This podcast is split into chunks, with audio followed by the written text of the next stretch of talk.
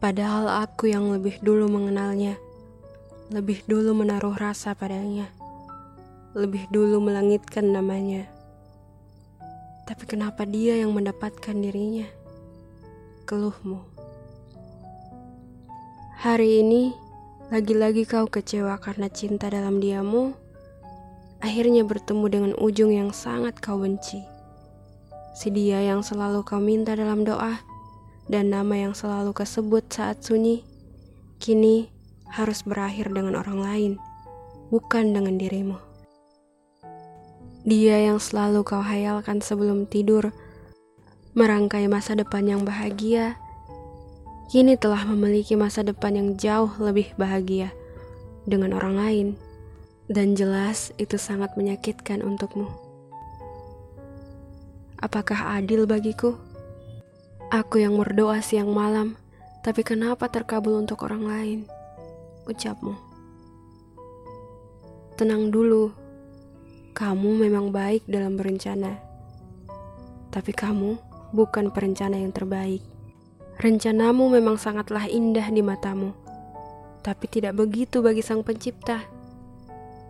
Kau tahu, saat kau dijauhkan dengan apa yang kau sukai, itu karena pasti ada hal yang buruk di sana.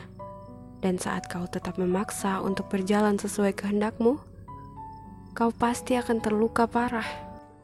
Maka Allah patahkan hatimu untuk menghentikanmu sebelum lukamu menjadi sulit untuk disembuhkan, atau bahkan tak bisa lagi disembuhkan.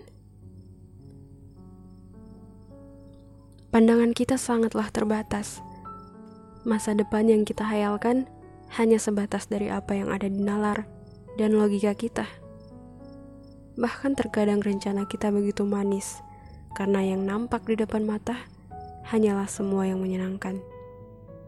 Begitu terbatasnya pandangan kita sehingga Allah tidak membiarkan kita terjatuh oleh rencana kita sendiri. Bentuk kasih sayang Allah memang terkadang sulit untuk kita mengerti, tapi hati kita selalu menerima meskipun tidak jarang kita menyangkalnya. Di sana, di atas arsnya, Allah melihat segala kemungkinan yang ada dan memutuskan bahwa rencanamu harus dibatalkan karena akan sangat menyakitimu.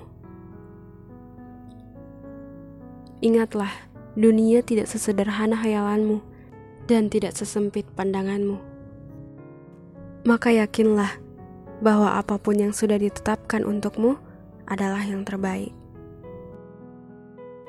Aku mengerti rasa kecewamu dan kesedihanmu, rasa yang tidak bisa kau lawan meskipun sudah berkali-kali kau tutupi dengan senyum palsu.